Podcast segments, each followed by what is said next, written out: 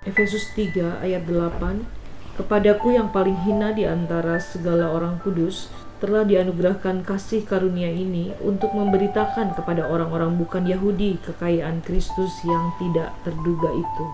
Di sini Anda bertemu dengan rasul terbesar yang menuruni anak tangga terendah, yang paling hina di antara para orang kudus, paling akhir dari antara para rasul, dan pendosa terbesar Fondasi bangunan terindah ada di dasar terendah. Ranting pohon yang paling banyak menghasilkan buah adalah yang terjuntai paling rendah.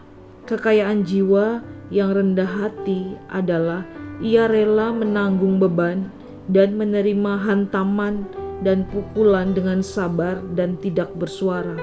Orang yang rendah hati melihat Allah melalui semua tindakan manusia.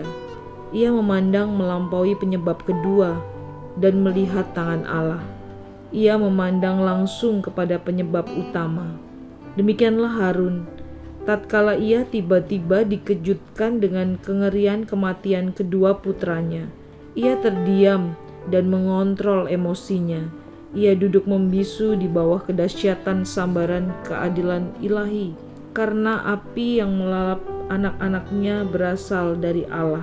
Ketika Samuel memberitahu Imam Eli bahwa Allah akan menghukum keluarganya untuk selamanya, "Dia Tuhan," kata Eli.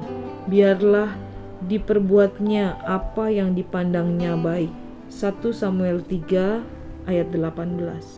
Lalu Samuel memberitahukan semuanya itu kepadanya dengan tidak menyembunyikan sesuatu pun.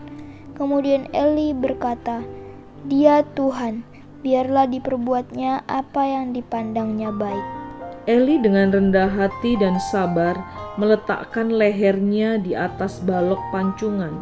Dia adalah Tuhan, biarlah dia menyambar, biarlah dia menewaskan. Jiwa yang taat mungkin merintih di bawah tekanan penderitaan, tetapi mereka tidak akan menggerutu setelah badai berlalu. Hati yang congkak bicara tentang kesabaran, tetapi saat terserang badai, hanya orang yang rendah hati sanggup mempraktekkan kesabaran. Jiwa yang taat berkata, "Aku tertindas, tetapi kemurahan tidak membiarkan aku binasa, sekalipun aku telah jatuh ke lubang." Tapi oleh anugerah yang cuma-cuma, aku tidak dilemparkan ke neraka. Allah yang Maha Adil tidak mungkin bertindak salah terhadapku, dan ia terlalu bermurah hati untuk merugikan aku. Dan oleh sebab itu, aku akan berdiam diri dan membisu. Biarlah ia melaksanakan apa yang dikehendakinya pada diriku. Orang congkak melawan saat ditentang. Mereka membalas ketika dipukul. Kain berteriak keras, Hukumanku itu lebih besar daripada yang dapat kutanggung. Ingatlah, memang tidaklah mudah menjaga rasa damai saat penderitaan dan kesesakan, tetapi hal itu sangat bermanfaat. Thomas Brooks 1608 1680